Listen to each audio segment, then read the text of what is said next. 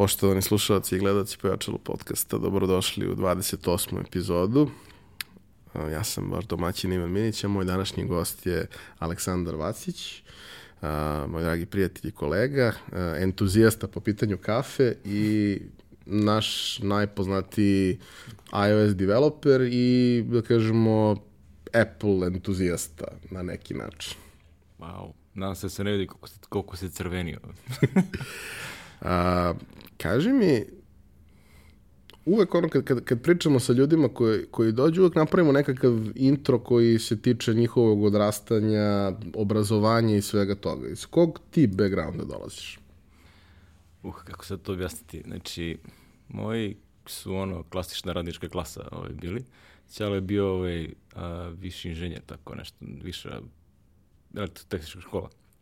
I ovaj, on je stalno pokušavao da mi natera na te neke fizičke stvari, znači ono nešto da se radi opipljivo, a ja sam nekako uvek naginjao ka nečemu što je crtanje digitalno nešto da se radi. Ono, od onih prvih, kako se zove, oni male formulice što se voze i ostalo. Ove, ima anegdota gde je ono kao me pitao šta hoće da mi kupi za sve petica koje imam na kraju školske godine, tipa šesti razred. Ja kažem, hoću onu malu formulicu, pošto svi drugari imaju, samo ja nemam. Znači, I onda ono što mi kupi ovaj biciklu s pet brzina. Oni, oni su peto brzinac. Znači, to je kao stalno, znaš, ono, kao ide malo da se mrneš iz te sobe i te fore. Ali mislim da moj background je bio otprilike, znači nekako uvek sam tome naginjao i kad god sam išao ovaj, i u školi, kad god su bile nešto što je imalo veze sa računarima, sam uvek hvatao ono kao za gušu, ono, daj, daj mi to. Tipa u osnovnoj školi je bilo ovaj, imali smo blok nastavu, ono, bilo izbor između vožnje traktora i poljoprivreda i ono rad sa računarima što su bili neki A niš PEX, PECom 32, tako nešto, znači neki pad na Commodore. I naravno sam otišao na ovo i onda tu sam već vam se pokazao koliko sam zagrižen za to, pošto je bila varijanta radiš 5 dana full, ono, 6 časova i onda to je ta blok nastava i onda tipa mi smo popodne u smeni, ja uzmem ono od profesora ili nastavnika uveče taj, ono, donesem ga kući, onda sad čekam da moji odgledaju svoje serije i televizore i dnevnike i šta znam. I onda tipa 11 ja to priključim na TV i tapa, tapa, tapa, dok ne, ne vidim. I onda ujutru ustanem u 7 da bi ga vratio u pola 8 za prepodnevnu smenu kojima to treba za nastavu. Tako da je to bilo tih 5 dana. Tako da uvek sam imao ovaj, te neke predispozicije Amiga 500, ono koje isto je bila, kažem, prva stvar gde sam nešto pokušavao da radim što je bilo nadrevno u to doba, znači to je 90 i 89. nešto, nemam pojma koje je bilo. Znači to je, na, nema dokumentacije, nema ničega, nema ništa, razumiješ, samo nabadaš po onom i pokušaš da nađeš. Tako da to je taj neki background gde sam stalno naginjao ka računarima. Na kraju su moji digli ruke, ok, videli da ovo hoće to da radi. Na kraju Čale pitao, dobro, kao koliko ti košta taj kompjuter koji hoćeš da kupiš. I svaki put kad me pita, ja mu kažem istu cenu. Znaš, kao, pa kaže, čekaj, za to nije jeftinije? Rekao si da prođe vreme pa jeftinije. Pa jeste, ali ja sam promenio konfiguraciju. Znaš, sad, je, sad je upgrade. Znaš, kao ću aktualnu stvar. Tako da je na kraju mi kupio ono neku 486 nešto bilo. 90, recimo, druga i tu, de, 94. I to je otprilike bio kraj mog, da kažem, univerzitetskog školovanja, pošto kad sam dobio računar kod kuće, onda je to bio... A šta si još studirao? ETF. Znači, ja sam ono bio na ETF, dao prvu godinu u roku, ono u junu, znači sve ono kao naš studente ovo rente i onda mi kupe računar za to i onda tu kraj. A onda je to bilo Sezam Pro forum i, znaš, tad je internet se pojavio na ETF-u, pa sam visio učionici, pa onda PPP i Slirp protokoli dok nije bilo uopšte interneta normalnog i tako.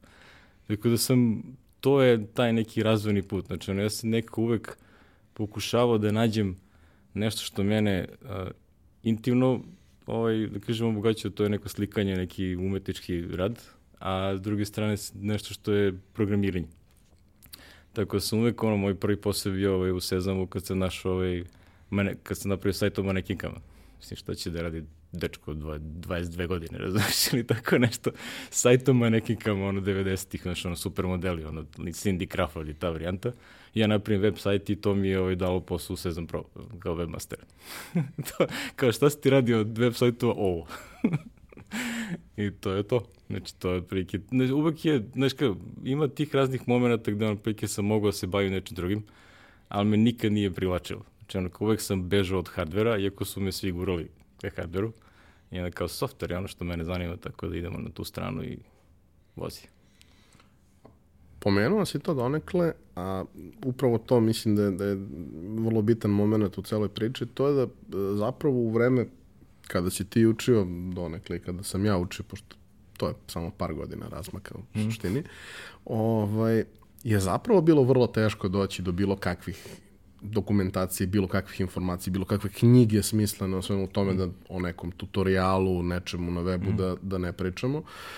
Kako si ti zapravo učio, odnosno i kako si učio i od čega si krenuo i zašto si od toga mm. krenuo? Pa da, pa recimo vreme kad si imao Amigu 500, znači ono kao prilike postojala je jedna jedina knjiga koja se bavila bilo čime što imalo veze sa Amigom, a to je uglavnom se svodilo na to kako da koristiš startuješ igrice. I bilo je nešto kao malo startuješ onaj Workbench Basic ili kako se zvao na njihov i tu imaš nešto kucaš, ali u suštini ništa tu nisam mogao da radim.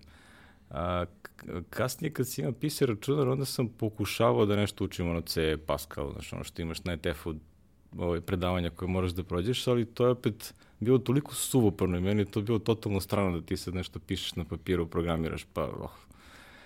Tako da jedini, da kažem, pravi stvar gde se ja se ono baš krenuo da nešto učim, to je bio kad je došao web. Zato što si web mogu da uradiš view source. Znači, i onda vidiš kako se to pravi. I onda ono kao prsneš nešto lokalno na disku, startuješ u browseru i vidiš da si promenio. Znači. I taj neki internativni način učenja, to je ono što je ono zašto, zašto ja na kraju otišao u web, a ne u neko desktop programiranje ili nešto. Što sve ostalo je bilo vrlo skupo. Znači ja to nisam mogao da platim. Znači ono, i kursevi, i knjige, i znaš, ono, ne znam, da ne pričamo one, tad ne znam, tad bilo još uvek ovih MSDN pretplata, znači to je koštalo boga oca. Mislim, da ne pričam, kao i, u Apple svetu je to koštalo još više, zato što su oni imali neke select premiere i neke stvari. Znači sve to bilo, trebalo je para koje ja nisam imao, niti su moji imali da mi daju, jer smo, ono, znaš, iz Pirota plaćaš ovaj, život u Berodu. Imam sreća stanem kod strica, ali je ovaj, generalno sve to bilo dosta skuplje nego u, u Pirotu. Tako da je ono, web je nekako prirodno mi došao na svoje zato što je bio džabe. Znači, ono, gledaš, znam da je Dragan Sretenović, tadašnji webmaster ovaj, ETF-ovog ovaj, sajta, on je ono nalazio tamo negde kako se to negde, što još uvijek nismo imali pristup internetu. I onda je on tamo iskopirao kako u Netscape-u nešto napraviš u navigatoru, pa onda ja vidim taj view source, kopiram kod sebe ja sam praktično ta dva sajta koja sam imao, jedan o Pirotu, a drugi o manekinkama, napravio koristeći ono što sam video na sajtovima ETF-a i Fona. I to je bila škola, razumiješ? I sad kao probaš da izbunariš. I sad to je nadrealna situacija, razumiješ? Ono kao HTML sve pušta, sve može, razumiješ? Kao nabadaš, levo probaš, ako se izrendure, dobro je. znači, ostavi, ne dira, idemo dalje. Ali to je, to je bilo učenje, znači nije tu bilo neke, da kažem, nekog usmerenog ovaj, kretanja, nego ono više onako potpuno haotično stvari onda ovde nešto naučim, ovde nešto vidim. Kasnije kad je došlo da još kad se, se povezali zaista na, na svetsku mrežu, onda je to eksplodiralo, onda sam mogu svašta da nađeš. Jedan od mojih najsrećnijih momenta je bio kad sam dočepao one knjige, ono, Don't Make Me Think. A, čuvena knjiga, znači, ono, kao, u, vidi šta sve može se uradi, ono, znači, šta možeš da radiš sa, sa web sajtima. Tako da to mi je, bio, da kažem, način kako sam nešto ovaj, učio. Nije da sam imao, a, ne znam današnji klinici koliko to bilo zajebano. naći bilo šta, ono što je, što je kada, se, kada sada kada ti je sve free, ono, znači sve možeš da nađeš da... A i sve je free, sve je dostupno i sve je user friendly maksimalno. Dobro, sve, on, možeš, možeš da radiš i programiraš, bilo šta, razumiješ, kada ti kad danas vidiš ono kao čitavi kursevi, ne, ajde u Swiftu ili nečem, nego u C++, bre, to je, nadrealno znanje koje treba da se to, to se plaćalo ranije katastrofa skupa.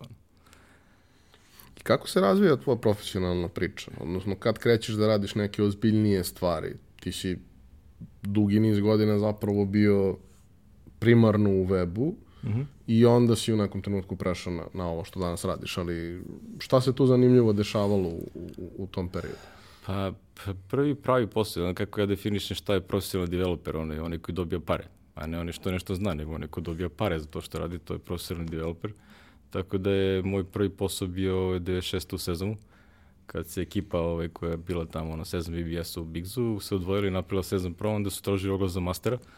I onda ono kao osnovano sumnjam i znam, jel te, da su mene zaposlili zašto sam bio jeftin, znam, znači svi ovi što, što se prijavili su bili skuplji od mene.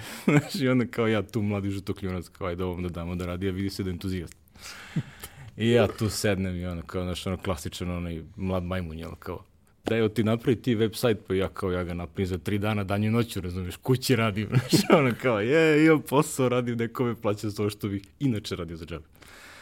I onda je ono kao to bilo ludnica, znači 96. u Sezamu i tad je već ono, znaš, ono, živio si ta, znaš kako je bila situacija u zemlji i ostalo.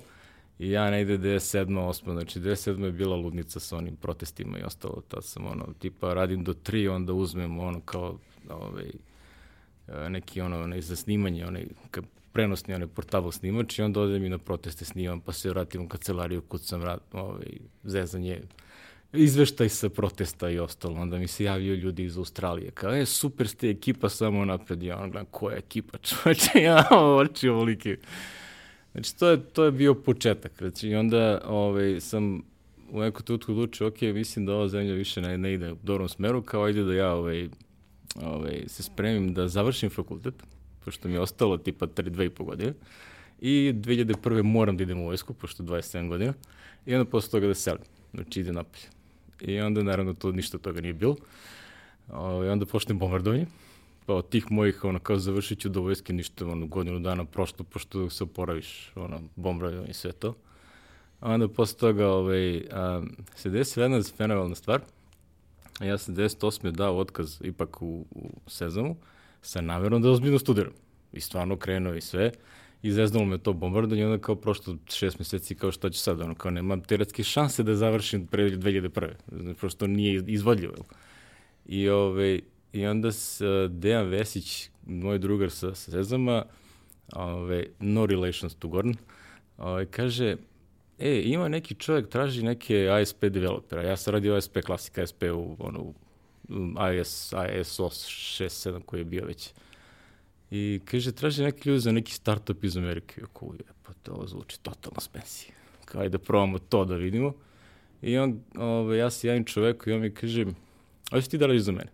Pazi, znači, tri minuta kako smo se videli, hoćeš ti da radiš za mene? I on kao, pa šta da radim? Pa nešto, hoćeš da radiš. I on kao, pa ne mora da mi kažeš šta. Kao i to se na tezanje traje, na kraju on kaže, evo ti napravim i ovaj sajt, pa se javi za dve nelje da idemo, ja to napravim donesem i on kaže, pogleda ovaj kod i kao, super, pravi šusteski. I kao, šta sad to znači? I on kaže, ok, dobio si posao. Kao pravimo, ja kažem, čekaj, šta je šusterski? Kaže, pa ja ovo ne razumem uopšte, ja se ne bavim ovim, ono, taj HTML i to, ali vidim da je sve pod konac, sve je uredno složeno, razumeš, izgleda lepo, razumeš, neko je to radio ko vodi računa, znaš. Kao, to je sve što me zanima. I kao, uje, kao sjajno. I ajmo mi sad, ovaj, krenemo da radimo, tu se ispostavi da je bila još druga ekipa koja isto dobila takav zatak i svi dobijemo posao. I pravimo neki interfejs za a, tablete, znači 49. Interfejs za tablete koji su bežični, koji proizvodi National Semiconductors, koji će se koristiti u hotelima, restoranima, za lojality, poene, 300 nata, worldwide. Znaš, i sve to na tabletu, koji mi nismo ni videli. Ne znamo koje su karakteristike. Znači, medne su. Klasičan ono startup ad hoc firma, razumiješ to sve. To je trajalo nekih 3 do 6 meseci, ja mislim, ono gde se radi na nadrealnim računarima. Znači, prvi put u životu sam tad video ovaj kompakt računar, koji je poslat iz Amerike, i gde ovaj, kad treba da ga instaliraš, ubačiš disk i on se instalira i pojavi se onda login screen u full rezoluciji. Znači nije ono 640, 480, nego se pojavi u full rezoluciji. Znači kao uje, ovo tako može da izgleda. da, da, kao ovo, ovako može da izgleda. Iako još ja mislim kako gde ću nađem drajvere. Pa ne, tu su svi drajveri, razumiješ, za tu mašinu. I tada, znači to je bio super posao, ali je bilo fantastično što su ljudi tri puta u šest meseci promenili tehnologi, technology stack na kome se to radi. Mi smo napravili u ISP-u i u web i u a, kako će JavaScript, to je bilo nešto u JavaScript, onaj 1, 2, tako nešto. Gde otprilike smo napravili sajt na osnovu koga su oni dobili 5 miliona i ono, ne, od Sonic Blue-a koji je ono što je bio S3 grafičke kartice, pa su oni postali Sonic Blue i dali im pare da to oni razvijaju dalje. Tek tada su ovi otišli u Semiconductors, znači mi smo se to virtualno radili. Znači onda su oni otišli tamo pa tražili tablete, onda se ispostavili da NSC to uopšte ni nema napoljen, nego imaju jedan i po prototip. Kojih su jedan poslali u Beograd. Kaže, ovo, će biti Wi-Fi, ovo je kao 99 Wi-Fi. Kaže, a, ali Wi-Fi trenutno ne radi. Ali to će bude osnova kako će to da funkcioniše sjajno. znači, onda je to bilo ludnica, ovaj, na kraju je Dragan Pleskonjić ovaj, sada poznato ime u security svetu. Ovaj, on je bio direktor te firme tada, kad smo mi to radili, to je, on, je, on je popravio taj Wi-Fi. Pa su ovi iz NSC-a ga zvali i da pitaju, a kako si ti to uradio? Šta, šta, šta se promenio, razumije? Što njima nije radilo.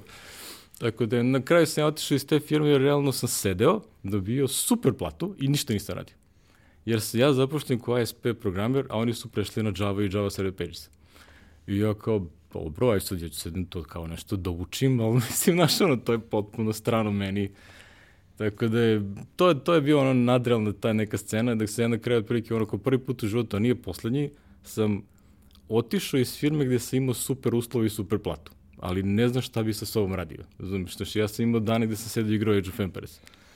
Jer ono kao... Idilično. apsolutno nadrealno, ali ono kao, to je neka stvar koju se ja to pokupio od pokojnog ćaleta koji ono, znaš, ima, i više takva situacija ima, znaš, tipa, ne radiš ništa na postu, dobijaš pare i ono kao, ono, posle mesec dana više, ono, ne možeš da izdržiš to, znači ono kao, daj da idemo odavde, mislim, onda ću nešto da radim. I onda se zato ovaj, ovaj, otišao odatle, firma se ugasila posle nekih 10 meseci, ali su umeđu vremenu se prodali PC telo koji ih je kupio zbog ta dva patenta od, do taj Wi-Fi. to je bilo sve što njima trebalo odatle. Ali super, ono, kad to je bilo ovaj, in, interesantno vreme, znaš. I onda odatle, a, ovaj, kad se to završilo, onda sam opet, jel te moj, ovaj, što bi rekli, ono, kao, anđeo skrivač iza, ono, kao, jel te Dejan Vesić, se, se pojavi koji među vremenu sa prvim direktorom te firme, ovaj, prešao, oni su vojica prešli u Finsoft, koji je bio pravio betting software, engleska firma. I onda se ja tamo prešao i narednih 10 godina sam se bavio malte na ono enterprise web. Znači ono, praviš web sajtove za bookinge na osnovu, na Oracle bazi. Znači onako baš ono veliki posao, to su ono, i skupe stvari i instalacija i mnogo ljudi to radi, znači softvera beskonačno, ta ti softveri su i dan danas u životu kod zadnjih bukija, znači to i dalje radi.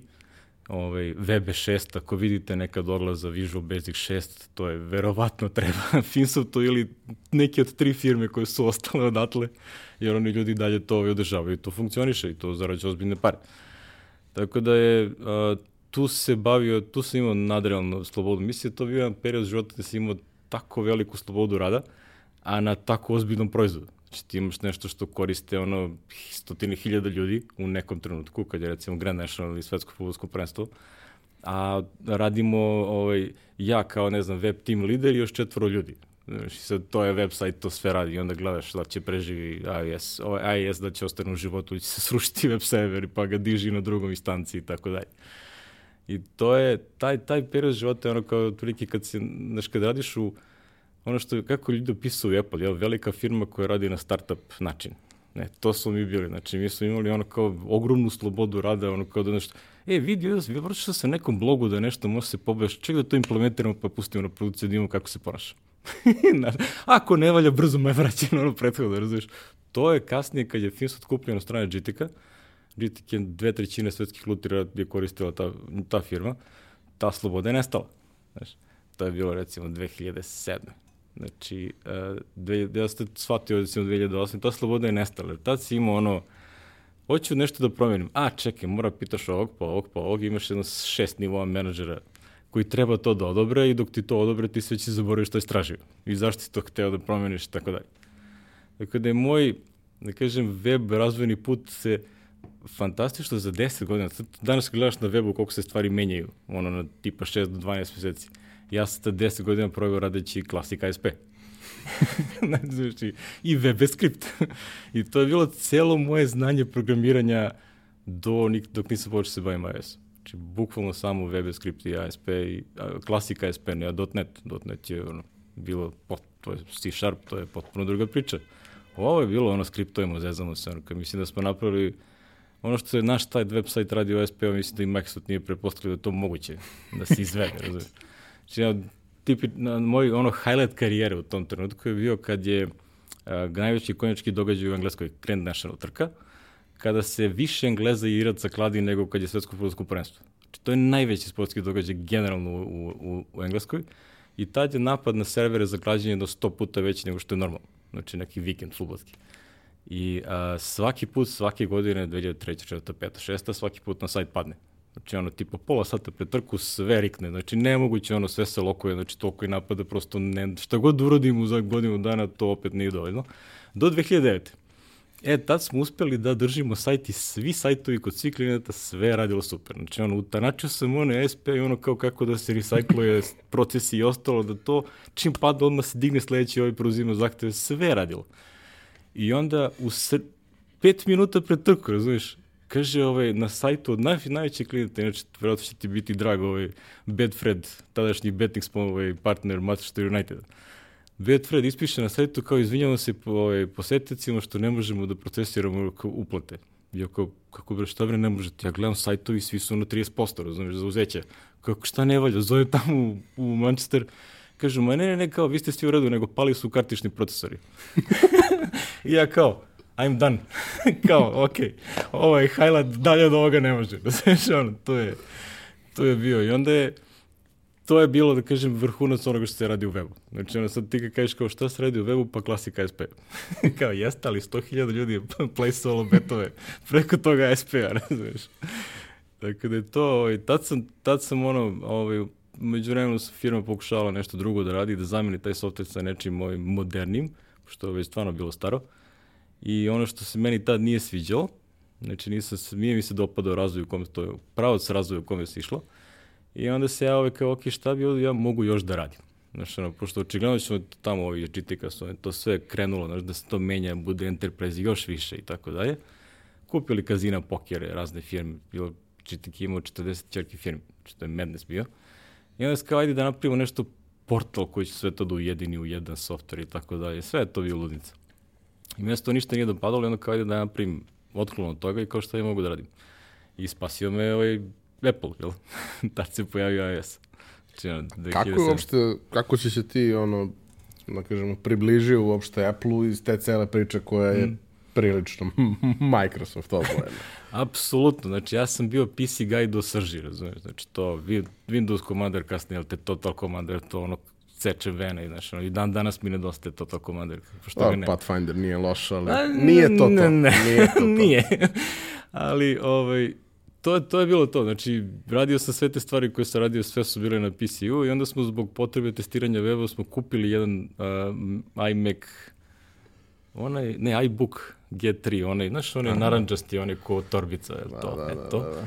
Taj smo kupili i ja to krenem da koristim. Znači, sad ono kao, malo pomalo ja shvatim, ok, ovo mi se sviđa kako izgleda, funkcioniše, znaš, zanimljivo, razumiješ, malo je drugačije, ali zanimljivo. I krenem ja to se igra sa tim, super, ali ja tu nemam šta da programiram, kao, znaš, kao, ja kao ASP web script programir i kad pogledam Objective-C, to je bilo kakav assembler, razumiješ, assembler je prijatniji od toga mi izgledao kad to pogledam. I onda kao, ok, ajde, ne, ne zanima me to, radim ja samo web testiram. I onda se pojavi iPhone. Uh, iPhone je u stvari bio ključna stvar koja se uh, pojavila. Mad ja sam pre toga već kupio uh, Mac, zato što sam shvatio, ok, ako ja više me ne zanima ovaj ASP i ostalo, ajde probam da naučim nešto od onih, da kažem, ozbiljnijih web tehnologija, a sve su one zahtevale onaj LAMP, MAMP, jel te ove, znači ono, MySQL, PHP i ostalo i to je na Windowsu uvijek bilo muka živa da podesim, a ove svi su na sajtovima pričali kao na Macu je to kao, ne znam, pokreneš par nekih gotovih skriptova i to se sve namesti samo od sebe jer to je Linux, iz, ovaj, Unix ispod toga. Kao super, ja ovaj, to probam na tom iBooku i stvarno tako radi. Znači, on digne se sve, radi sporo katastrofa, pošto to je bila stara mašina, ali radi. Znači, ono, nisam ja morao da podešavam servere, da ono, dem, dimone i ne znam šta, to sve samo od sebe radi. I ja 2006. kupim Mac za sebe, prodam laptop što sam imao i sve i kupim MacBook Pro i krenem da koristim kod deli mašinu, pola u Windowsu, pola vamo, ali ono, koristim. I onda kad se pojavio iPhone, a, to je bukvalno za mene bilo otkrivenje zato što se vratila cela ona moja umetnička, jel to ona crtačka varijanta, pošto kao vidi programiranje gde je dizajn jednako bitan, ako ne i bitniji od samog kvaliteta koda. Znači mora lepo da izgleda, lepo da funkcioniše da bi ja to mogao da, da bi to imalo uspeh. E, tad je ono kao bilo, ok, mogu bi ja da ovo probam da učim, pa da im šta će da ispadne. I tad je bila jedna zanimljiva situacija u firmi, pošto su ovo išlo u pravcu koji se meni ne dopada, i onda pitam u firmi kao, ok, ali mogu ja da ovo radim, pošto će ovo biti budućnost.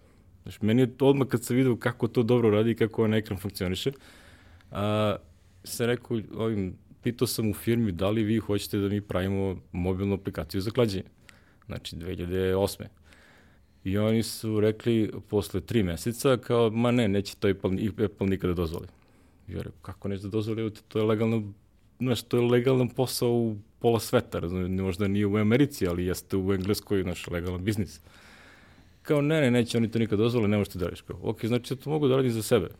Nisam u sukobu interesa, ništa, mogu ja to sam da učim, možeš. Super. I onda se ja jedno tri godine radio propišto beskonačne sate dok sam shvatio kako funkcioniš i Object-Oriented Programming i uh, Objective-C i kako funkcioniš oni frameworks i sve to. Znači, ali mi je bilo sjajno zato što je isto, isto ona varijanta koju sam voleo kod weba na početku, a to je ono kao nešto rodiš klik u simulatoru se pojavi isto to. Čak nisi morao da imaš iPhone za pola onih aplikacija koje sam, koje sam tada pravio. I onda je ta ono kao interaktivnost je ono što mi ono najviše sviđalo. Ne treba ti nikakav, ne znam, vanredni setup, sad ono serveri, backendi, baze i ne znam. Sve je tu, znači sve na istom računaru. I trebalo mi je dve i pol godine, mislim, dve, dve do i pol godine da napravim nešto što sa onim vrlo niskim, da kažem, polaznim stepenikom, da ja napravim nešto što ja smatram da je dovoljno dobro da mogu da pustim na stvar. I tad sam pustio jednu aplikaciju, pa drugu, pa treću i onda je a, vremenom to počelo da zarađuje neke parice. Da sam ja došao u situaciju da kažem, ok, sad ovo što radim u firmi, to mi se više ošte ne dopada i samo otaljavam. I realno tad se ja toliko dugo bio u firmi da sam imao dobru platu, ali ono sam osjećao da ja je ne zarađujem. Znaš, ja ne doprinosim firmi time da ja tu platu opravdam, a s druge strane, ovo što mi se ne sviđa, kao i da pređem da radim ovo. Tako da, ono, ja da kažem, ukupno tri godine sam radio uh, dva posla. Znaš, ono, tada sam imao i kažem 15 sati radnih dana, 15 satne radne dane, ono, znači, tipa radim 7-8 sati u firmi, onda dođem i onda još ono, kao, malo se odmorim, pa onda nastavim da radim. Ono. Znači, može misliti kako sam bio zabavan u društvu. Ono. Niko me ne viđa, ono, po, po dani dane. I sedneš na kafu s ljudima, otvoriš da. laptop. da, da, mislim, to je, to je bila ludnica. Tako se ja tu baš se onako pošteno ono zaglibio, ali sam doterao to do znanja i tu sam učio Boga oca o programiranju što i dan danas ovaj, koristim, zato što su a, sam shvatio ono što je jedna od najvećih vrednosti Apple-ovog ekosistema, što ima neograničena količina ljudi, čak i tada koje svoje ono vrlo skupo znanje delilo za džabe na raznim blog postovima, što nikad nisam čitao, što mi to nikad nije zanimalo, onda ti shvatiš da ti što pišu u Objective-C-u, pišu i neke fundamentalne stvari o programiranju koje ja nisam, sam znao od prilike, ali mi nisu trebale nikad, pa se nisam udubljivo. E sad kad mi trebaju, kao znači ono kako je enkapsulacija koda i takve stvari. Znači to je bilo ključno za ono što je kasnije meni napravilo karijeru u iOS. Da ja razumem kako to fundamentalno treba da se piše, da bude lako drživo na duže staze. Jer inače kao one man firma to je opaka, znači ne možeš da, da napraviš da kažem nešto što će da ti zarađuje pare recimo 7-8 godina. Znači onda, a da ne piše stalno od nula jer bi onda se vrte u krug, nego ono kao rudi, parče po parče inkrementalno menjaš i to su stvari koje sam učio u tih tri godine, kažem, tog drugog posla učeći Objective-C uopšte kao, kao jezik. Ono što je bilo karakteristično za, za sve te tvoje rane aplikacije koje si izbacivao, mm. je da nijedna od njih nije rešavala nekakav no, novi problem, nešto. Nije bila revolucionarna, ali su sve izgledale izuzetno prijatno za oko, recimo. I izdvajale su se u moru drugih aplikacija, mm. pre svega time što zaista sjajno izgledaju. I to je negde kao pravilo pravilo razliku mm. da ljudi odluče da ipak njih kupe, a ne neki drugi. A, kako je taj deo priče izgledao? Ti si meni e, sad rekao da je to krenulo lagano da generiše nekakve prihode. Mm. Kako to izgleda? A, objasni nekome ko ne zna ništa o tome, ali ga zanima da jednog dana napravi neku aplikaciju i postavi na, na... Kako to izgleda u tom trenutku i kako se to menjalo kroz vreme? Mislim, pošto se menjalo dosta. Da, a, znači, ja sam krenuo 2008. Znači, 2008. u julu su Apple otvorio SDK pristup za van Apple-a i onda sam pravio tri meseca pokušavajući da se prijavim iz Srbije. Znači, to je isto bilo ovaj, zabavna epopeja, što uopšte ne možeš da se prijaviš na njihov sajt koji je bio kompletno orijentisan ka Americi. Uh, ima jedna super anegdota tada, ovaj, kad se ja pokušao da se prijavim, sad treba da Apple isključivo radi uh, transfer para na tvoj bankovni račun. I ono što je isto zanimljiva stvar, nikad nije postojao problem da mi dan danas nemamo App Store, ali kao developer nikad nisi imao problem da se prijaviš i da, da od Apple dobiješ pare za ono što prodaš. I ceo taj koncept je a, bio jako lepo zamišljen. Ono što je mene tada najviše brinulo kao neko ko hoće da to pređe da, da živi od toga, je, ok, Srbija i Amerika nemaju nikakav ugovor o izbjegavanju dvojnog oporezivanja, što znači da ako Apple uzme njihovi 30%, a, onda će meni a, još IRS da uzme 30% od onog što mi je ostalo. Što na kraju ostaje 49 meni nazad. Pa onda fi i ostalo što ono, banka ovde uzme šta ja znam i ostaje kao, brate, ovo će malo je bez veze, jel? I onda ja pošaljem pismo ovaj, Apple, Apple developer ili ili tako nešto i onda mi odgovori žena, kaže, a ne, nećete, uh, mi smo tako sklopili naš, ovaj, kaže, koncept komisiju ne prodaje, ili kako su oni to da, nazvali. Da, da. Kaže da, vi u stvari, dodakle god da se nalazite, niste dužni ništa da, da plaćate ARS. Sve, tih 70% ide vam. I ako, wow. Kao, sjajno. Znaš, I onda je to bilo, ok, to je super boost, ajmo sad da radimo. Onda je bila varijanta kao, ok, kako se dobijam pare ovde, pa fizičko lice i ostalo. Ono, ludnica, jel? Znači, tu su bile varijante koje onem prestanu ni koliko to košta, ni koliko to plaća, pa sam ja te pare slao na a, ne, račun od rođaka koji je van Srbije, pa to mi nešto on tu prebacuje, madness. Znaš, ali, zašto nisam znao šta će ovde da me sačeka i kako to što funkcioniše. Bio sam popuno ono neiskusan sa tim stvarima. I onda mi je, um, a, kako se zove, znači, prvi, prve pare koje su stigle su bile nekih 600 dolara, ja mislim, za prodatih, ne znam koliko aplikacija po 5 dolara, tako nešto. I to su bilo ono, kad imao si da pređeš 150 dolara i onda ti pare stižu na račun. Znači, to je bilo, a, što bi rekli kao Apple, fantastično zna da napravi taj backend sistem. Iako on katastrofalno radi sa te kad treba da nešto registruješ, pošto njihove web firme i taj iTunes Connect i ostalo je zlo, ali a, suštinski ono što treba da radi posao je kao ti no, da ovaj dobiješ pare. ispod toga. Da, da, to sve to radi. Razumiješ? Znači, to je bilo fantastično. Znači, ja se registrujem kao a, čovjek iz Srbije, račun je u Švedskoj, i to je sve kod njih okej. Okay. Znaš, ti možda odavde otvoriš privatnu firmu kod Apple-a, iako si ovde ono firma tipa, ne znam, lupam, Delta Holding. Znači, možeš ti da otvoriš firmu Pera Petrović i on prodaje Deltina aplikacije. Znači, lupam. Znači, to tako može da funkcioniš, to njih to uopšte ne zanima.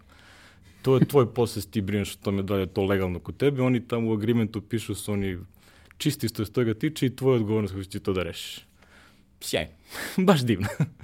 I onda je, ovaj, uh, tu bilo, uh, kažem, zašto su, spomenuo se da su moje aplikacije onako izgledala lepo i ostalo, a, tada je bila fenomenalna mogućnost tih prvih godinu dana. Znači da, em što rešeno je to pitanje kako ti pare stižu. Drugo, a, konkurencija je bila toliko mala, znači da jedina stvarna konkurencija su ti long term Mac developeri, koji su jedini znali da pišu sve to. Ovo sve je ostalo. Pa to je bila takva krđa, to je ludilo, razumiješ, ljudi koji Svećam su se bavili potpuno drugim stvarima, razumiješ, kao, e, ovo je sad novi hit, boom, ajde da napravimo nešto, izbunariš, ne liči ni nešto, loše radi, zakucava se i ostalo. A ja sam, recimo, moju prvu aplikaciju RunMate sam pisao tri puta, od početka. Znači, ono, napišem jedno i onda krenem to da je koristim ja sam i vidim da ne radi, razumiješ. Sad kada ja mogu da je pustim na store, ali tako, ne radi, ne znaš. A Apple je tada, pošto imamo malo aplikacija, sve su dozvoljavali ljudi. Znači, ono, taj app review i ostalo, ono što danas ti rejectuju za svaki bug koji nađu, ti rejectuju nazad, to tad nije bilo. Znači, ono, kao, ako bar ne pukne na startu, prošle. Znači, ništa tu nisu oni proveravali, ne znam šta. I onda je a, sa drugu, pa treću varijantu koja je radila dobro, čak sam bilo ono run made za trčanje. I onda se ja uspio da istrčim ono tri nedelje, a da ništa ne krašuje. E, kao sad može da imam store. I onda sam pustio i onda je to počelo fino da se prode. A, kasnije sam napravio, ne znam, currency konverte. To su bile rudimentarne aplikacije koje ne zahtevaju nikakav backend. I koriste samo ono što ima na samom uređaju i to je ono što je meni bilo super džabe da to održavam. Znači, ništa me ne košta, nemam ongoing ono, da nešto plaćam i to mi je bilo ono što je, a, što je da kažem, omogućavalo da se radi i a, ono što je bilo super, čak i da ne radim ništa, to stoji na storu i zarađuje pare. Tad se prvi put shvati ono kao najlepša stvar odvajajuću razliku između proizvođača i ovaj, freelancera. Jel? Ti kao freelancer, kao client oriented business, ti moraš da juriš klijente, moraš da juriš da bi imao pare. I ako nekad ne radiš sa klijente, nemaš para. Zato što nema tu sad neki, možda imaš support ili retainer ili takav neki kontrakt, ali generalno moraš da ih tražiš. A ovde kad ti stoje proizvodi na storu, ti možeš da ne radiš ništa, a da ti pare i dalje, dalje dolaze. I to, I to mi je ono što mi sad recimo najviše nedostaje, pošto ja nisam pipnuo svoje aplikacije tri godine. Nikakav update, ništa, i ono kao malo, malo su zastarale, dve mi je Apple sklonio sa stora, pošto kaže, ovaj, mogli biste da pošaljete novi update, ja ne mogu da kompajliram, znaš koliko je to staro. Tako da je, ovaj, tu sam zato ovaj, krenuo na te, te aplikacije i shvatio sam da a, što ih više imam, koliko, kakve god da se nalaze, neko će to kupiti. Ono, I onda kad imaš govojnu aplikacija, onda će dovoljno da zaradiš mesečno da može od toga da se živi da ne moraš dalje. Tako da se ja 2012. u stvari otišao iz ove firme gde sam radio i tad sam full time živo samo od toga, cela moja familija, ono, dvoje dece i tako to. Što je bilo sjajno, da znaš, ti imaš, i tad sam imao nekih 40 i nešto aplikacija na storu. Dobro, to, to je dosta aplikacija. ne, imam, znaš, koji su 3-4 bile realno kako valja, a onda sam istraživao razne načine kako bi ja mogao da napravim a, nešto što se relativno lako generiše na velike broje komade, a da ne moram ja to da programiram svaku zasebno, jel?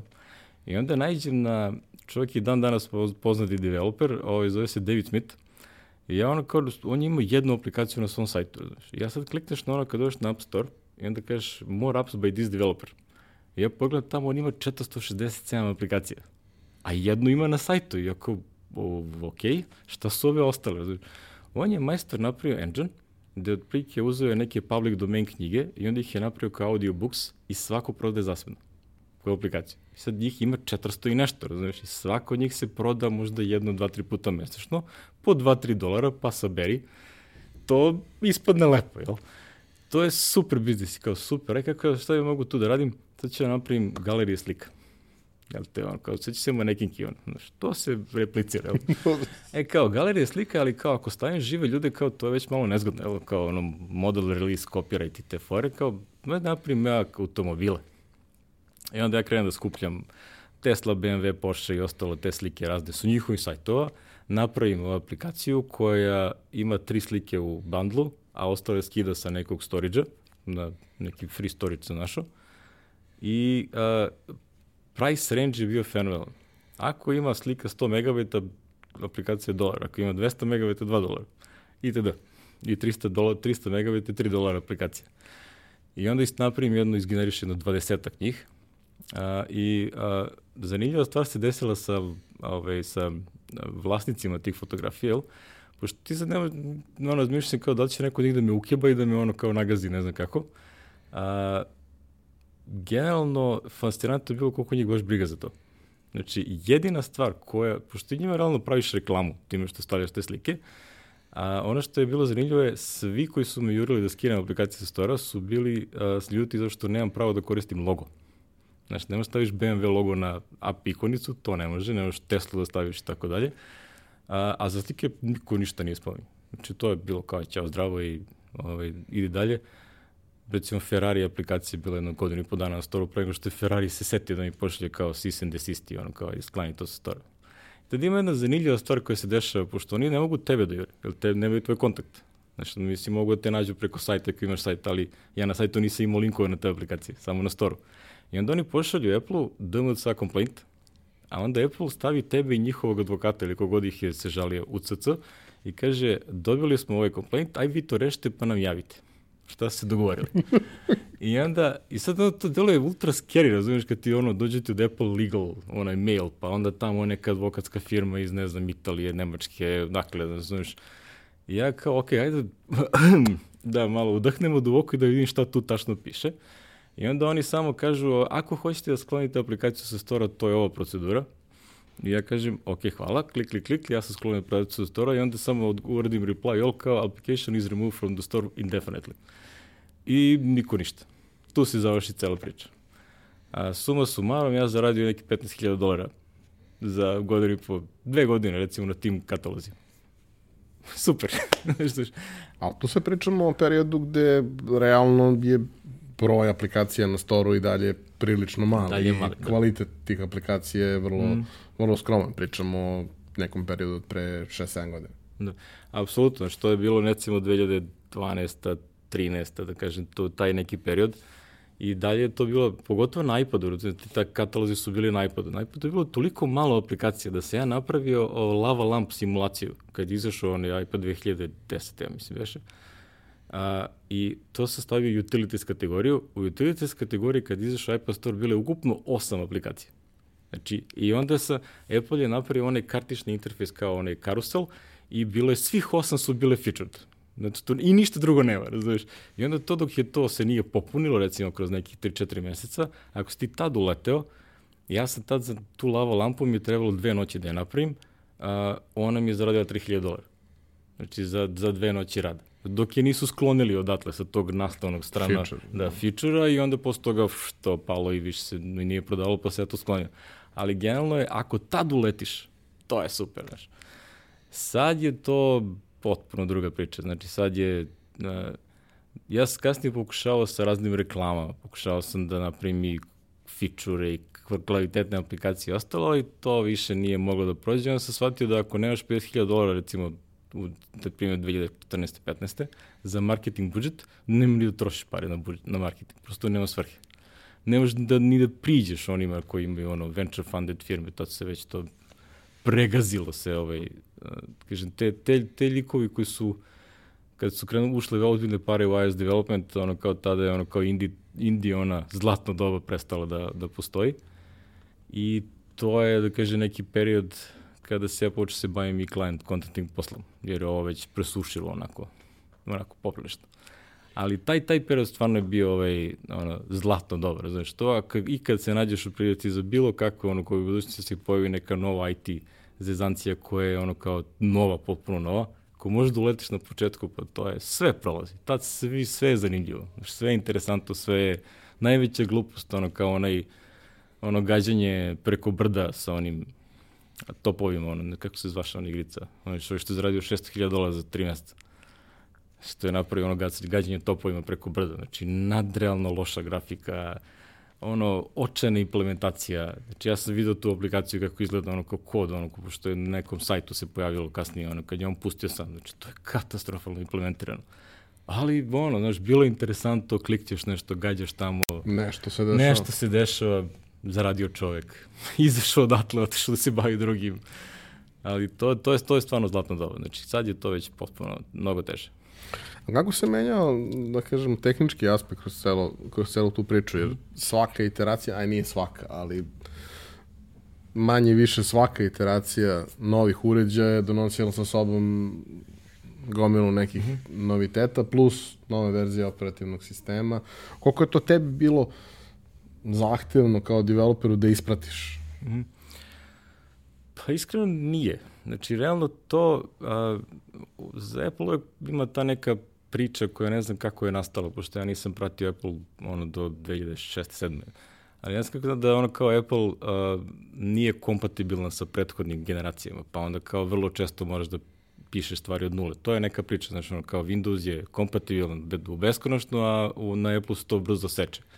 Što moje iskustvo je potpuno drugačije, razumiješ. Ti si mogao decenijama da pišeš jedan te isti kod da održavaš i on će nastaviti da radi Znači, jedini pravi, da kaže, preseci kad si, ono, su stare stvari prestale da funkcionišu je kad oni promene tipa sa 32 na 64 bita i onda kažu, ok, ovaj novi API nema više už 32, samo je 64. I ako ti je to 32, to više neće raditi od, ne znam, 2 OS-a u budućnosti. To su jedine stvari kad zaista oni otkačaju i ono, ko to više ne radi. Ali sve ovo ostalo, to ovaj, je, nije toliki problem da se isprati. A, već, je, već je problem ono, kako su išle verzije uređaja, pa oni menjaju grafičke čipove, pa audio čipove, pa onda audio, znaš, ono kao OS postaje moćniji, onda može podržava više stvari. I recimo za moje trčanje, ključna stvar je bila da kad trčiš da se ono, slušaš muziku, a da se u pozadini ono kao da ti ode muziku silent, onda čuješ kao now walk 3 minuta ili tako nešto i onda ti nastavi da trčiš po tom nekom planu ili ono kao imaš taj trening. E, taj API se menjao svaki iOS je imao neku novu zvrčku. Znači, ali svaki, razumiješ, i to se dešavale stvari da tipa izađe u junu beta 1, u beta 5, na primjer, u avgustu sve to nekako radi, onda u beta 6 ono ukinu nešto i to više ne radi. Zato što je u njihovom internom testiranju se ispostavilo da nešto mnogo guši bateriju i oni to ukinu iz čisto mira. I ako ti ne testiraš svaku tu verziju dok one finalne, a tipa beta 6, 7 pa ide Goldmaster, ako to ne testiraš, može se desiti da ti misliš da si završio posao, pustiš na story i ne radi. Jer ono su umeđu vremenu nešto, imao sam situaciju sa WatchOS-om, gde je sve radilo do finalne verzije. I onda su u Goldmasteru su ukinuli, ove, recimo, background timere na WatchOS 2. I ja, a ja celu aplikaciju prepravio da radi ono, samo na satu, da možeš da radiš, on, timer se vrti u pozdini i onda oni u filmu kažu to, taj timer mnogo gasi memorije, taj API ukinu kompletno. I ja ono kao otprilike, uh, shit, kao aplikacija je potrebljiva, znaš, sad tih tri meseca posla, ćao. Znači, to su te stvari koje ne možeš da izbigneš, razumeš? Znači, ono, kao oni svi kažu, znaš, ono, mi nešto možemo da uradimo, ali niko ti ne garantuje dok izađe film na vezu da će to zaista da funkcioniše. I onda je, a, nije problem da se isprati taj tehnološki napredak, a, zahteva određeni, da kažem, praćenje i ostalo. A, ono što je, da kažem, najproblematačnije bilo kada si kada nemaš ti sad, ne znam, desetine hiljada dolara koje zarađuješ. Pa ono, kao šta te briga, kupiš tri iPhone. Pa jedan je na beti, jedan je na ovoj beti, pa testiraš ovako. Kad imaš jedan jedini uređaj, nije baš jednostavno da, da testiraš šta je promenjeno s jedne na drugu verziju, pošto ti treba da ostaviš jedan uređaj na godinu dana staroj verziji, jer će, neće svi da pređu na noviju verziju, pa moraš to da testiraš. Tako da vremenom kako sam kupio iPhone, tako se to, ta grupina, grupica uređaja se skupila, ali je generalno, ovaj, a, da kažem, ne bih rekao da je tu neki problem da se, da se to isprati, ni dan danas. Znači, mislim da Apple jako lepo radi background, backend support za, da kažem, kako to rekao, znači, backward support, za šta god novo da izbace, to će manje više raditi sa starim. Znači, naj, najbolji primjer ti je Swift. Kad je izašao Swift, nijedan API nije prestao da radi.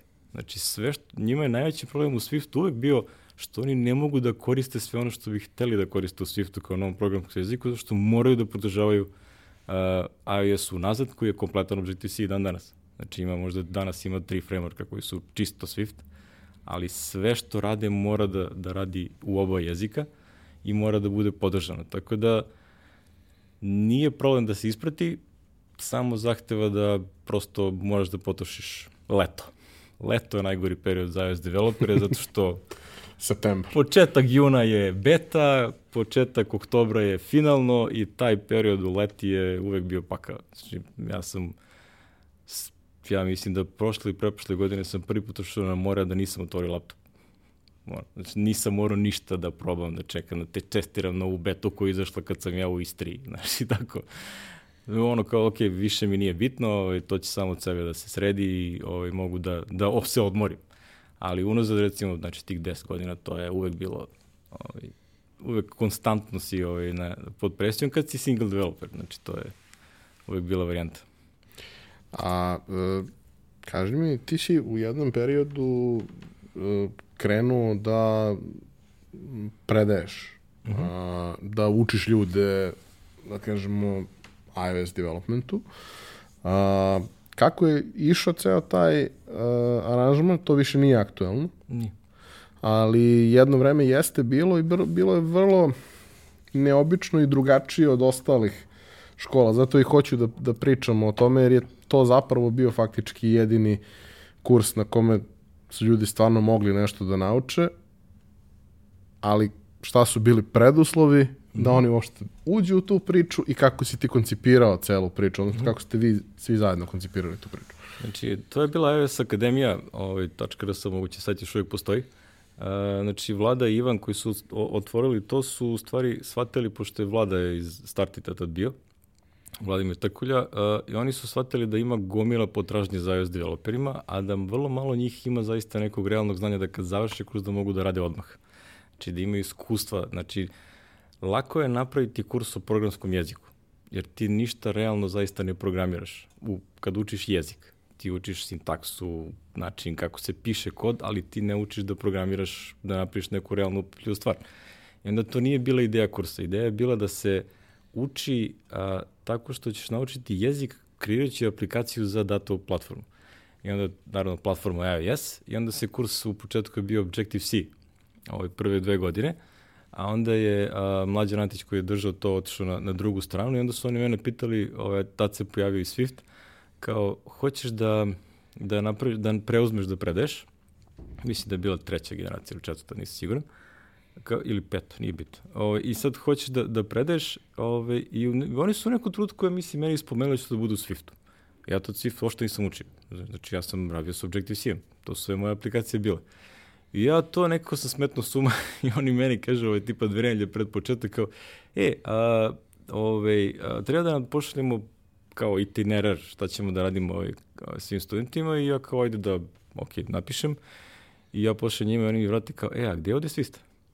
Pa kao, nećemo radimo Swift, pisamo Objective-C, kao niko ne programira u Swiftu još uvijek zato što nije upotreblju. Ne, ne, ali mora da bude u Swiftu. Znači, kao, svi hoće Swift. I u, wow. I ja hoću. I ja hoću, razumiješ? I ništa, ja krenem i onda u stvari kao da sam prvo tutku mislio da mu bio sam u najstrašnijoj panici, razumiješ? Znači, kao preuzeo sam obavezu, kao treba ljudi da plate, razumiješ, da to predaje, a ja nemam pojma to, razumiješ? I sad kao, ok, ajde imamo koliko to teško. Jer sam znao da ću, ovaj, da su, onda sam mi rekao da su oni prethodne godine imali dve trećine GTC-a, jednu trećinu Swift. Znači, to je već bio koncept. Ok, ajde ja probam to da napravim, ali da bude skroz u Swiftu i da se pišu tri aplikacije. Znači, da ih naučim kako se pišu aplikacije i da koristi Swift.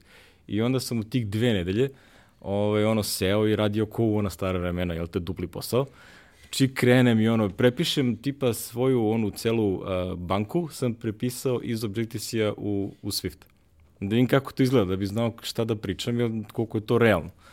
I onda, znaš, ono, kao shvatim da a, to ono što sam malo prespomenuo, jel te, da ono kao sve što ja u suštini znam, to i dalje važi. Znači, ništa nije pro, prestalo da funkcioniše, samo se piše na drugačiji način. Sjajno, napravim ja ceo itinerar, napravili plan po danima kako će to da ide i, ovaj, da kažem, te 3-4 generacije su bile, ovaj, sve, sve su učile Swift.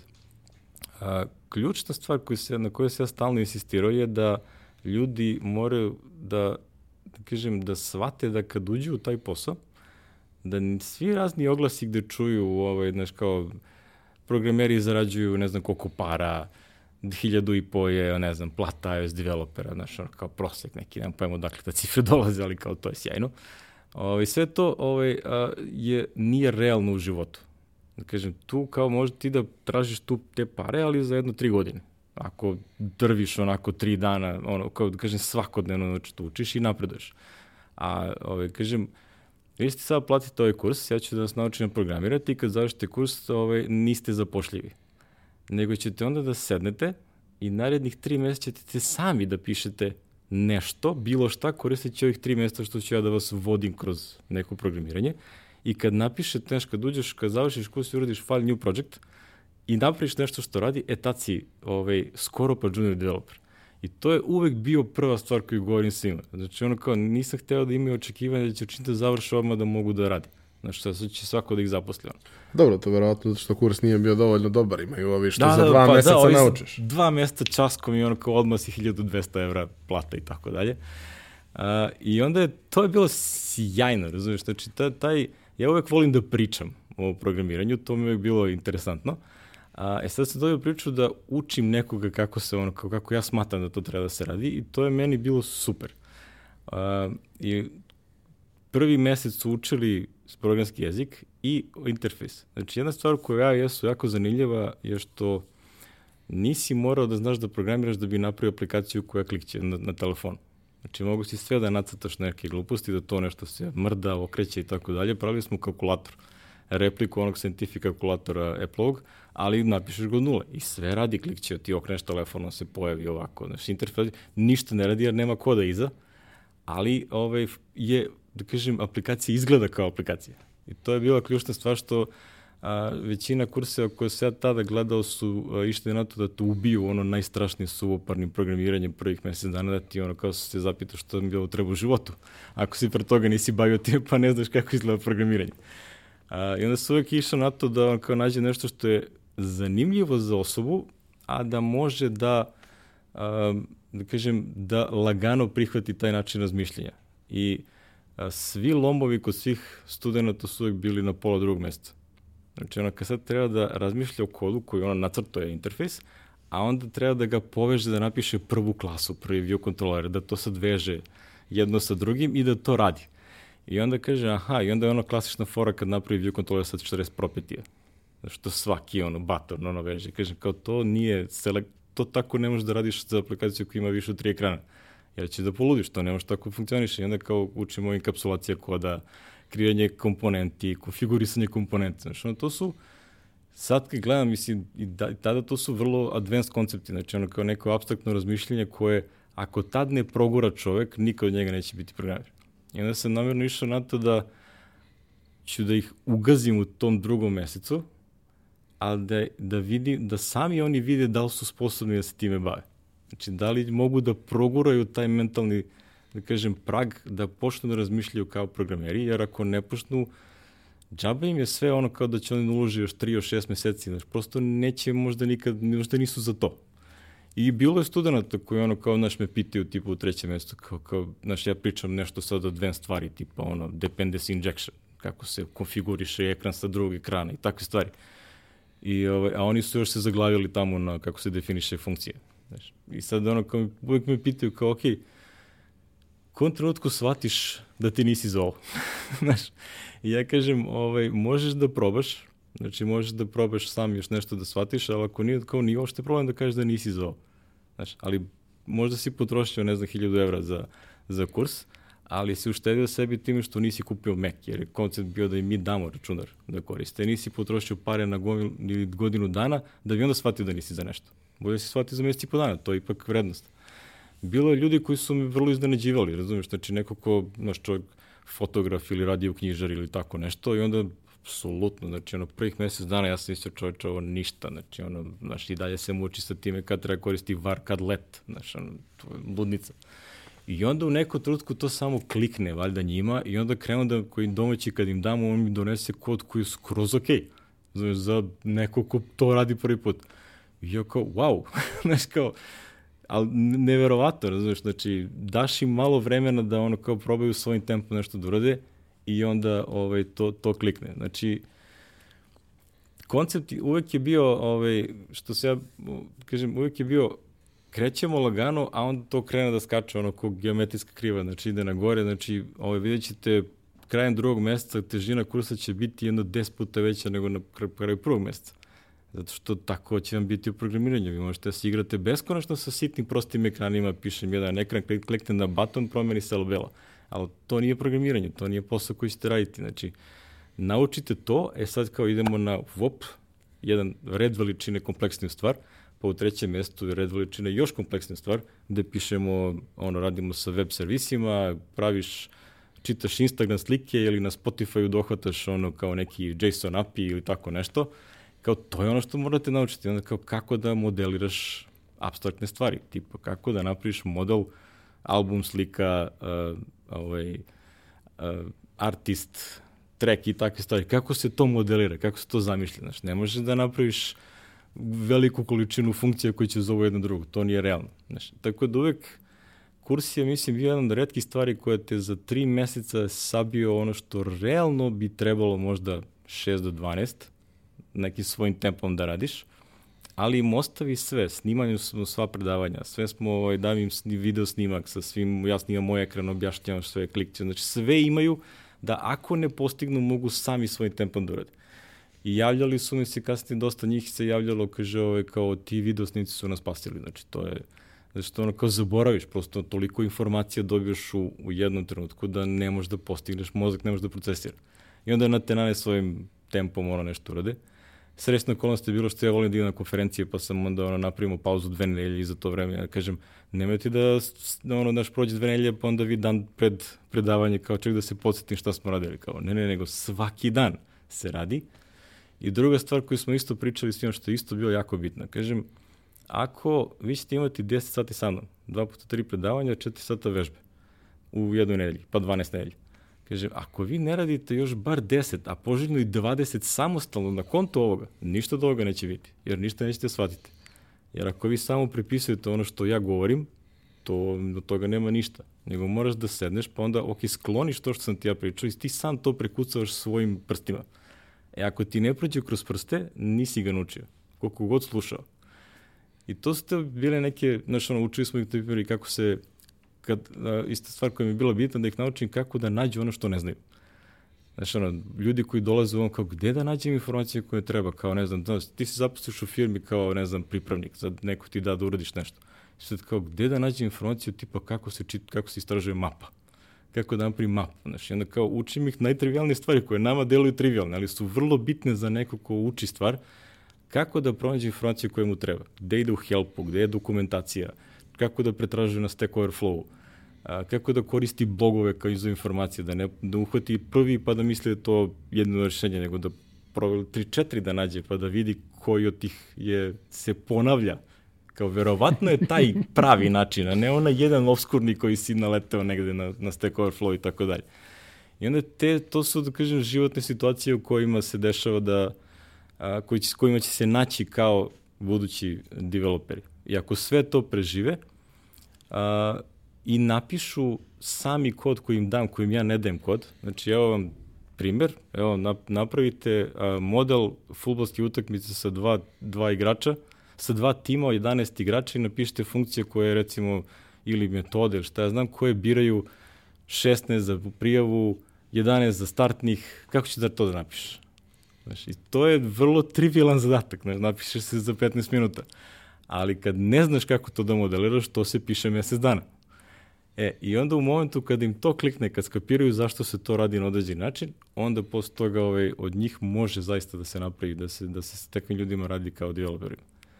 To je, to je, mislim da je to bila, ovaj, da kažem, ključna stvar koju sam ja hteo da, kroz taj kurs koji smo radili, da, da prosto isteram. Znači da, i isto jedna stvar koju mislim da je bitna za predavače kad nešto predaju, a, što je, nažalost, redka situacija. Mislim da je jako bitno da predavač pokaže kad nešto ne zna. Znači, ti kad nešto radiš, sad desi se nešto čudno, ono, kucaš kod i nešto se dešava, da, a, da oni vide da je potpuno normalno da koliko god neko ima iskustva da nešto ne zna i da onda otvoriš Stack Overflow i da tražiš rešenje. I da vide da si našao rešenje, kako Jeste. ga ti tražiš. Upravo to. Znači, bitno je prosto da im pokažeš da ne moraju da misle da sad moraju nešto da znaju ne znam koliko da bi sebe zvali programeri. Znači, to su one stvari koje se ponovno pojave na Twitteru kad ljudi napišu kao ja sam 20 godina developer i upravo sam tražio kako se u stringu nalazi ne znam šta. Znači, kako da uvediš search kroz neki string ili ne znam neki, neki API. Znači, to su stvari koje ne učiš na pamet. To je ono što me uvek najviše nerviralo na fakultetima, kao, ja kako crno programiranje na ispita i nečega na papiru i šta znam. Kao, brate, ja pola toga, ja ni jedan ispit u životu nisam položio kako valja. Znači, ja sam jedva šestice dobio za to programiranje, zato što ono, ja to, taj formu ispita gde ono kao te stvari možeš da znaš u sintaksi, to ja znam, napišem for in, znaš, while petlju i takve stvari, napišem klasu i metod. Ali da sad isprogramiram nešto bez greške, to nema šanse. Znači, to ne, bez to kompajlera. I, I kontrola, to, ovaj, kontrola tog testa koji imaš da kao ide liniju po liniju i gledaš šta da, se da. dešava. Da li si negde za, za, izostavio nešto? znači, to su nebitne stvari potpuno. Za, za, da sebe ozoveš programerom. Znači, ubeljio, naj, naj, nadam se da sam to uspio ovaj, svim tim generacijama, mislim da ih je bilo četiri, da prikažem da je najbitnija stvar da, a, da umeju da abstraktno razmišljaju. Znači da modeliraju stvari na, ovaj, da kažem, ono, objektno orijentisan način. I ako sam to uspeo nekog da naučim, od toga će biti developer. Tako da ovi ostali... Mislim, ono, dosta njih su ono, ok prošli. Znači, bili su skroz ok. A, pošto to više ne postoji mm -hmm. sad, a, kako bi preporučio nekome da krene da uči, ko, ko želi da uđe u ovu priču? Od čega da krene? Mm -hmm. Sa čim sebe da challenge na početku? Mm -hmm. uh, Pa srećna okolnost u ovome svemu je što je, a, što je izašao Swift, koji je super interaktivan jezik ovaj, za pisanje kroz one, a, da kažem, još interaktivniji nego što sam ja, kad sam ja učio, kroz one playgrounde. I onda možeš da napišeš kod i odmah vidiš šta se s njim dešava. A, I ono što je Apple uradio umeđu vremenu, što su imaju na iBooks onom storu, a, imaju sjajne, foto, sjajne knjige koje se tiču a, uvoda u iOS development. I Swift posebno i iOS development koristeći Swift. I, I te knjige su jako dobre. Znači ja ono kao čekam moji klinci još malo da porastu pa da im uvolim to da, da vidim kako će da se snađu. Ove, jer konceptno kako oni to su uradili, meni se jako sviđa. Znači, uh, mislim da kogod hoće da se bavi baš konkretno ovim Swift i iOS development, mislim da su te knjige najbolja početna ostava koju trenutno možeš da nađeš. Uh, ima dosta drugih kurseva, ima uh, da kažem, varijanti gde su ljudi pisali video kurseve, knjige i šta ja znam. Neka moja preporuka je vratno bila Hacking with Swift sajt. Ovaj, engles čovjek se Paul Hudson, znači on je apsolutni fanatik što se tiče svih tih stvari.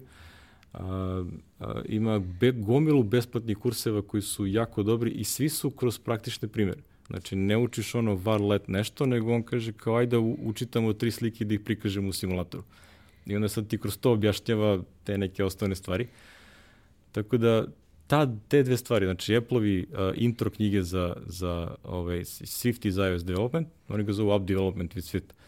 I taj hacking i Swift mislim da su bedljivo najbolja, uh, da kaže, naj, je, besplatni su, to je, to je ključna stvar. Svi ostali kursevi se plaćaju i nisu tako strukturirani da možeš da pratiš, da imaš neki tok. Znaš, imaš ti gomil onih Ray Venderlich ili tako neki sajtova gde imaju tutoriali i sve ostalo i to su tutoriali za određene stvari. A ti kad si početnik nemaš pojma gde se šta uklapa. Dakle, da ove neke stvari koje su nekako, imaju neki svoj redosled, mislim da su ovaj, a, najbolja polazna ostava da se time krene. Najveći problem u suštini je kad nisi u nekoj školi što nemaš na čemu da radiš, ako već nemaš Mac, jako je problematično da radiš jer Mac je prosto neophodan. Ono, ne može da PC-u da se radi na, na Windows računarima. Swift može da se uči na, ima ona Swift background aplikacija na iPadu, pa ako imaš iPad neki stariji, ono, tu može isto se koristi, ali opet s druge strane to baš nije realno kako ćeš raditi kasnije. Tako da najveći, najveći problem je Mac, Mac računar. Dobro, što ne mora da bude previše veliki izdatak. Možeš da, da uzmeš i nešto starije da od toga počneš. Yes. I dobra stvar je što, mislim, to je hardware koji drži cenu. Ako se ispostavi da to ne funkcioniše, možeš ga za šest da meseci prodati za iste pare, mislim. da, da, mislim, je... bilo koja generacija posle, recimo, 2013. je, ono, bilo šta što postoji, možda čak i neki modeli iz 2012. su skroz ok za... Ako ima retina ekran, super je. Mada ovaj MacBook Air, on je dugo vremena bio non-retina, pa, pa je dobro ostao. Kaži mi, da se vratimo na, na tebe kao, da kažemo, profesionalca, kao mm. programera. Uh, rekao si da je ta priča sa aplikacijama mm. lagano se spustila u neku nu, teži nuli. Jeste. Ove, ovaj, šta si ti radio nakon toga? Uh, pa negde 2014. ja mislim da je uh, čak i ranije u stvari, zanimljiva stvar, ti, ti galerije slika, oni sa onim automobilčićima, jel? Uh, kuma od moje žene radi u uh, lokalnoj trikotažnoj firmi, koja nešto pravi, i njima je treba u stvari aplikacija da oni demonstriraju katalog svojih proizvoda, jel? Kao vidi zgodno. Godna situacija i sad ono kao ona nas ovaj, poveže sa vlasnikom te firme i e, mi odemo ovaj, na sastanak, ja tu pokažem kako to radi i on kaže, pa meni tako nešto treba, ali znaš kako je da klikneš na to, ne samo da gledaš, nego da onda napriš neki naručbinu i da to ode neki negde na nešto. I a, to je bilo recimo 2012. I onda smo mi negde do 2013-14. Ovaj, uspeli da izbunarimo da tu ovaj, nešto se poveže, zato je njihov backend sistem bio ovaj, nadrealno komplikovan gde smo na kraju ovaj, su oni nama davali CSV file koji smo mi konvertovali u SQL Server na našem, ap, da bi imali API, pa onda konvertujemo nas do CSV koji neki tamo likovi učitavaju u neku bazu koja nam nije dostupna. Madness, razumiješ, znači ono 16 načina da nešto pukne i kad pukne osam od tih ti nemaš pojma šta se desilo ili nemaš pristup. Ali uglavnom moj, to je funkcionisalo i to je bio prvi, da kažem, taj kontrakt posao koji sam radio za nekoga. Ne ono što je bilo jako zanimljivo, to nije bilo na uopšte nego je to bilo enterprise development za unutar, ono, za zaposlene unutar firme, što je bilo super zanimljivo iskustvo. A, onda druga stvar koja se desila, mislim da je 14. ili 15. tako nešto, što ja radio u betting toj industriji, jel te za web sajtove, pa su mi svi ovi lokalni ovi, znali manje više sa tim, čak i Meridian Bet je u nekom trenutku kupovao software naše engleske firme da isprobava da li njima odgovara i tako dalje.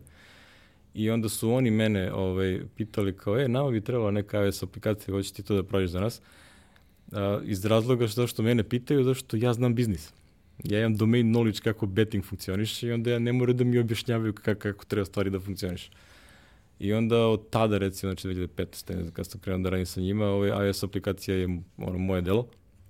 I to je super saradnja sa njima ovaj, jako dugo, ovaj, baš sam zadovoljan kako funkcioniše. Isto fantastična sloboda rada, znači do, do domena da oni mene pitao šta ćeš sledeće da nam napraviš u aplikaciji. Znači, kao, vidiš šta je zanimljivo, pa da mi to možda imamo. Znači, kao, sjajno. Kakav imaš tako klijent, to je stvarno za bilo kog kontaktora sjajna stvar. A, I onda te dve aplikacije su odlične, umeđu vremenu se pojavilo još neki projekata koje sam ulazio i izlazio. Ove, ili mi se nije dopadalo ovaj, kako funkcioniše, ili je ono kao bio ritam rada koji je bio sumanut, a men to ne treba u životu. Tako da, a, sad sam u, u fazi gde a, imam, da kažem, relativno stabilno ovaj, poslovno okruženje sa što se tiče kontakta i sad mogu da se bavim time da obnovim svoje aplikacije i da imam taj safety net, zato što a, čak i te moje running aplikacije koje sam napustio da radim, pa sam ih ostavio, one i su do pre tri meseca kad je ovaj Apple rekao da će skloniti sa stora, zato što, to jest, jednu sam ja sklonio sa stora, zato što je nešto se dešava u iOS-u 12 gde ono kao koraptuju se podaci u nekom trenutku i to ne mogu da ponovim uopšte, razumiješ? Znači ne znam šta se promenilo, a moj kod je iz 2000, iz iOS-a 8, razumiješ? I sad nešto se tu promenilo, to se korapte i onda nisi teo da se blamiram više, da mi ljudi šalju ono kao, e, nestali mi podaci. Znaš, ono kad trčiš, razumiješ, ono kao učiš da trčiš i onda dođeš kući i ono i kao, a gde su mi podaci? Kao nisu se snimili, Ups. razumeš. Znači, to je najgora stvar koju možeš da urodiš nekome kad, kad ne trči, on neće to da radi. I onda se ja slomio tu aplikaciju sa Storata i RAM 5K, a ova banka je ostala, a neki konverter ovaj, jedinica mi je Apple sklonio, kaže, moraš da pošalješ update. Ja rekao, pa neću, sve radi. Pa ne, ali moraš da pošalješ update. Ej, neću. Mrzi me, razumeš. Dok, bila je ta fora kao ako tri godine ne ažuriraš aplikaciju, oni ti pošalju upozorenje da će skinuti sa stora. Jer ne znaju da li je ona u skladu sa trenutnim Apple guidelines i onda oni ti kažu pošalji update, da bi mogo da oni to provere kroz standardni preview proces. I onda ako to ne urodiš, oni skinu sa, sa stora. Tako da, i, takav je posao. Ove, I onda sad želim to da vratim, da kažem, u svoj, da kažem, portfolio. Jer to je ubedljivo najbolji safety net. Znači, taj RAM 5K do momenta kad sam ga skinuo, znači dve i po godine nisam imao nikakav update i on je i dalje donosio 500 dolara mesečno. Znači, znači, ono, super, ne radiš ništa, razumiješ, on ti donosi 6000 dolara godišnje. Šta ćeš više? Znači, za, za posao koji ne... Tako da taj, ta stvar je za bilo koga ko nije firma, pa ima zaposlene juri klijenti i tako dalje, nego single developer kao što sam ja. Znači sad ništa single, sad i moja žena radi sa mnom, tako da smo sad super. Ali generalno je ovaj, jako bitno da napraviš nešto na storu. Prvo što ti to super reklama za klijente, Znaš, ono, kad te neko pita šta ti znaš da radiš, ti kažeš, evo ti on kao skini sa stora pa vidi. Znači, i to se isto priča sa studentima. Znači, ako hoćete da se reklamirate, napravite nešto, kako je bilo glupo. Znači, znači, kalkulator nešto, konvertuje nešto, ali napravite da se vidi šta znate i da vi ste uspeli da nešto objavite na storu. To znači da je prošlo ova preview, znači da tehnički je ispravno. I onda će to raditi. I to je najbolja reklama. Znači, ništa drugo vam ne treba, sem to je druga stvar, napravi nešto i stavi na GitHub. Ako neko hoće te zaposli, pa treba da vidiš šta ti znaš da ne programiraš. Ako si ti stavio na GitHubu, kažeš, evo ti GitHub. Pazi, ja svima kažem, kao 90% drugih kandidata si pretekao ako imaš nešto na GitHubu. Što će onda videti oni koji treba da te zaposle šta ti zaista znaš. Tako da je to moj cilj da ja ovaj, zadržim ovu klijentsku strukturu koju sada imam, a da nastavim da se bavim ovaj, a, kažem, a, svojim aplikacijama iz još jednog bitnog razloga za nekoga ko sada hoće da uči je Apple je sada u iOS 13 promenio uh, UI framework, izbacili su Swift UI, što je potpuno drugačiji način od onoga što se ranije pisalo. Znači sve je drugačije, uh, konceptualno, tehnički je drugačije, tako da uh, to će na, biti aktualno za recimo dve godine. Zato što je sistemski framework i onda mora da, uh, da ga koristi iOS 13 kao minimum, jer na 12 to neće raditi. Tako da, realno to će u neku širu praksu ući za otprilike dve godine kada 80% ljudi pređe na iOS 13 i onda je to već ono, ovaj, dominanta stvar. Tad možda piše Swift je ono, iOS 13 only aplikaciju ili novija. A, ali recimo sada kad treba da učiš ovaj, iOS development, to će biti pakao. Znači da mora da učiš dva potpuno različita UI frameworka Paralelno. Paraleli. Da. I realno ćeš ih koristiti I još koristit ćeš ih u sigurno praksi. godinu i nešto. Sad recimo ono što ćeš imati situaciju da ako znaš UIKit kao onaj stari framework, ti ćeš moći da nađeš dosta posla na održavanju starih UIKit aplikacija, dok će većina novih ljudi učiti Swift UI, zato što će to da se, on, to je ono što će se predavati. To je ono što će ljudi učiti. Znači svi ono blogovi i ostalo, svi prelaze na, na Swift UI, svi će o tome pričati, a ostaće ona starija varijanta da, da, ovaj, da radi. Tako da, ono, a, to je neki moj plan. Kaže ono, revidiraj, ono, vrati u život ove 3-4 aplikacije, makar zarađivale ono 100-200 dolara mesečno ako i toliko, ali to će ono vremenom da se skupi to su pare koje kaplju, a ne radiš realno ništa. Ništa ne, ne održavaš. A nadalje, ono, kao sad već, ono, Jana i ja radimo zajedno u firmi, tako da, ono, može se radi više projekata u paraleli, tako da će biti, biti to neka budućnost. I za kraj bi se samo dotakao ovaj, toga e, da si ti kolega podcaster. Mm -hmm. A, realno, podcast je nešto što ovde kao format nije preterano zastupljeno, sa druge strane, realno oduzima dosta vremena. Ne možeš baš da ga uradiš za pet minuta u slobodno vreme, već zahteva da bar onoliko koliko traje izdvojiš. I još toliko da preslušaš. I da baš da, da li je sve okej. Okay. Ovaj, uh, ti si počeo pre pa pet godina, četiri, pet godina, tako nešto. Nije, manje, manje. Bili smo bili prilično produktivni. Ovaj. Mislim da je pre dve i po godine tako nešto. Nemoj me držati za reč, ali tu smo negde. Mislim da je bio neki decembar, možda pre tri godine. Hm. Tako nešto. Dobro. Nije- nije- A, podcast se zove Infinito. Mhm. Bavite se tehnologijom, ali dominantno Apple-om Da, u tom Tagline celom. je ono kao upotrebe Apple tehnologije u realnom životu. To je koncept. A, čime si se vodio, šta je priča koju, koju Mhm. uh, radiš, s kim radiš i šta je priča koju, koju pravite? Pa, a, podcast je nastao u vreme, mislim, tada nije, mi tada nismo znali ni za jedan jedini podcast na srpskom jeziku, ono baš podcast form, znači bile onih radio emisije koje su snimane pa pustavili na SoundCloud ili nešto, ali baš kao podcast, podcast nije postojao, bar nismo mi znali. A Miki Adamov, znači ono, siva eminencija Mac, Mac scene u ono 80-ih, 90-ih u Srbiji, a, je ono, ja sam ga znao više preko Sezama, onako, mislim sam ga video tri puta u životu. Ali on znao mene kao S developera, pratim Apple i tako dalje i onda me jednom se sretnemo u dolini Gladi, jel, u Zoran Đinća, ono, na kafi i kao ajde da, da sednemo popričamo i on kaže, e, mogli da pravimo podcast? Či ako, pa o čemu? Pa pričamo o Apple-u, kao, znači, ja znam dosta ljudi, mogli bi da ih intervjuišemo, znači nešto što isto što ti radiš sa, sa pojačalom, ali kao neko, ljudi koji su, da kažem, neka poznata ime ili su nešto značajno radili u, u Mac Apple sceni 80-ih, 90-ih na Balkanu. I to je bio neki brief. Ono, kao, ajde da krenemo da radimo, ovaj, pa je tu bilo nekih, ovaj, da kažem, stice nekih okolnosti, da smo tri mjeseca nešto čekali i onda umjesto u, recimo, augustu smo krenuli u novembar, decembar.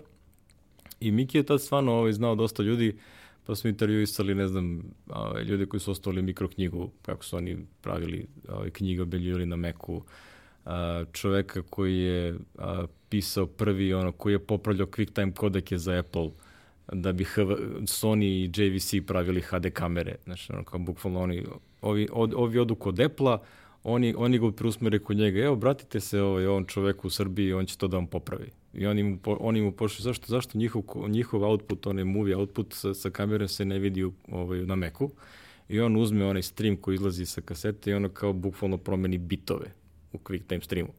Znači, kao šta su pogrešili u kodiranju i onda im to vrati nazad. Znači, ono, nadrealne stvari koje su tu se dešavale, ovaj čuveni Toša Serbijan, ne, se, se zove, ovaj, to mu je nadivak. Tako da to je, to je bio koncept, znači kao ajde da pišemo nešto što je, a, da me koji tada još, mislim, realno nije mnogo zastupljen u Srbiji, sem u, da kažem, na developersko web krugovima, ali generalno nema mnogo ljudi, pošto košta mnogo više od PC-a i onda prosto nema ih mnogo. I onda kao ajde da napravimo to, da objašnjamo, ovaj, da pričamo priču o Apple-u i da prezentujemo neke zanimljive ljude. To, to je bio koncept. I kao, pošto i on i ja imamo dosta obaveza, onda kao nećemo da idemo onu pod, podcast, ono, rutinu na god- ne- nedelju dana, nego na dve nedelje.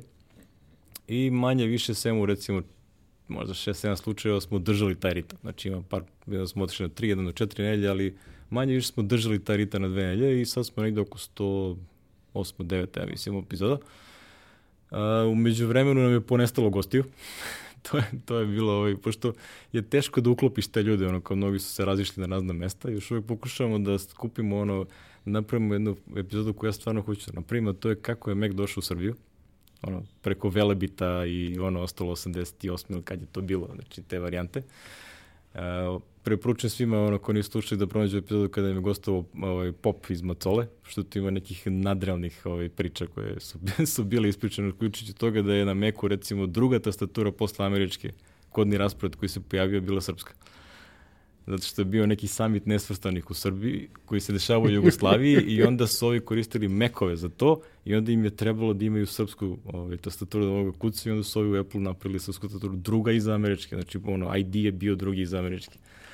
Ali onda, nažalost, su došle sankcije i sve ostalo, pa je onda ovaj, naš Srbija i ostalo skrajnuta iz te priče, tako da ko zna da li bi mi možda imali App Store da se to sve nije desilo, jel? A, ali ovaj, ta, to su, da kažem, taj ceo podcast je meni onako više ono što bi rekli čedo, ono, odmor za dušu. Znači, mi se ono dogovorimo, ajde da snimamo tad i tad, Miki to izmontira ovaj, i, i objavi na, na, na sajtu, radi super, on ovaj, neka njegova poznanica ovaj, koja tad nisam znao do tada je napravila logo, a, opet njegov poznanik, znači on je otprilike, on zna toliko mnogo ljudi, što on kaže za sebe, kaže ja znam celu mek scenu u, u bivšoj Jugoslaviji, a kod pola njih sam bio kući. Znači, to, je, to je varijanta. I onda je, ne znam, kompozitor nam je dao pravo da koristimo uvodnu muziku ovaj, njegovu, onda njegov kućni prijatelj Saša Montiljo, ovaj, koji je slikar, nam daje za svaku epizodu imamo ovaj, poseban artwork, neko njegovo delo koje je radio, tako da je ono, cijela taj koncept je onako vrlo sladak, ono, kao vrlo je onako uživanje da se radi. I umeđu vremenu smo se promenili na to da pričamo uglavnom to stvari kako zaista, ono što je na taglan, jel?